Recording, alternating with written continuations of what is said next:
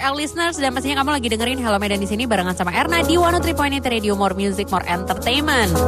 Kita pasti setuju banget ya El listeners kamu setuju kalau Erna bilang cuaca belakangan nih asli nggak menentu banget. Like kalau panas tuh panas banget terus tiba-tiba di sore hari atau mau menuju ke malam tuh bisa hujan gitu, hujan dengan derasnya suka-sukanya banget gitu ya kayak panas-panas banget terus tiba-tiba hujan terus besokannya panas besokannya mendung pokoknya kayak labil lah.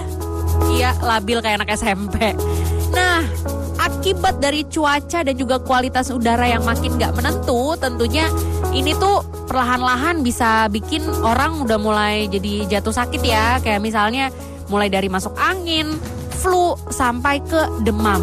Wah, ini kalau udah sampai kayak gini paling males banget ya karena nggak bisa ngapa-ngapain kan.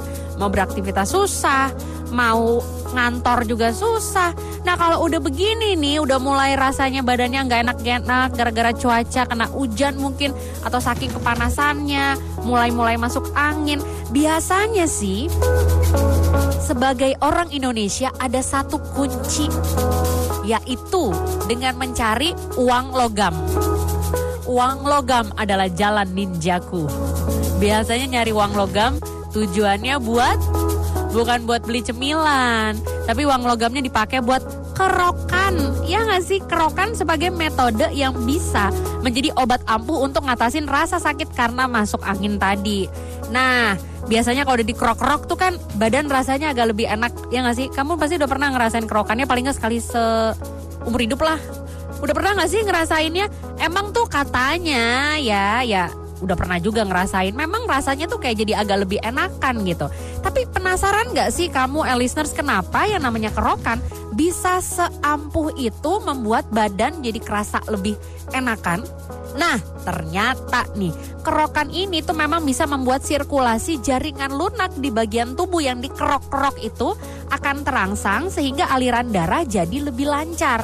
Nah jadinya karena aliran darah lancar, sel-sel darah dan juga oksigen ini juga bakalan lebih gampang beredar ke seluruh tubuh dan semua organ itu bisa mendapat pasokan oksigen dan darah yang cukup.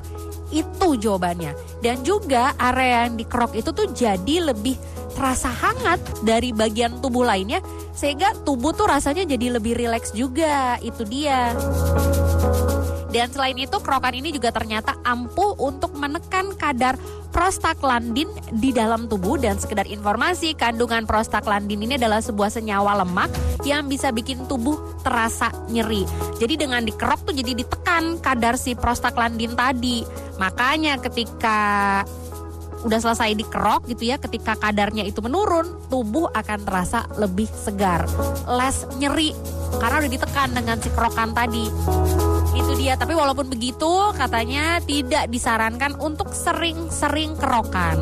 Sekali-sekali boleh lah, kalau emang kayak udah nggak bisa ditahan lagi ya, nggak enak banget badannya, boleh kerokan. Sekali-sekali, bukan sering-sering. Jadi bagaimana? Udah paham kan kenapa kerokan tuh ampuh?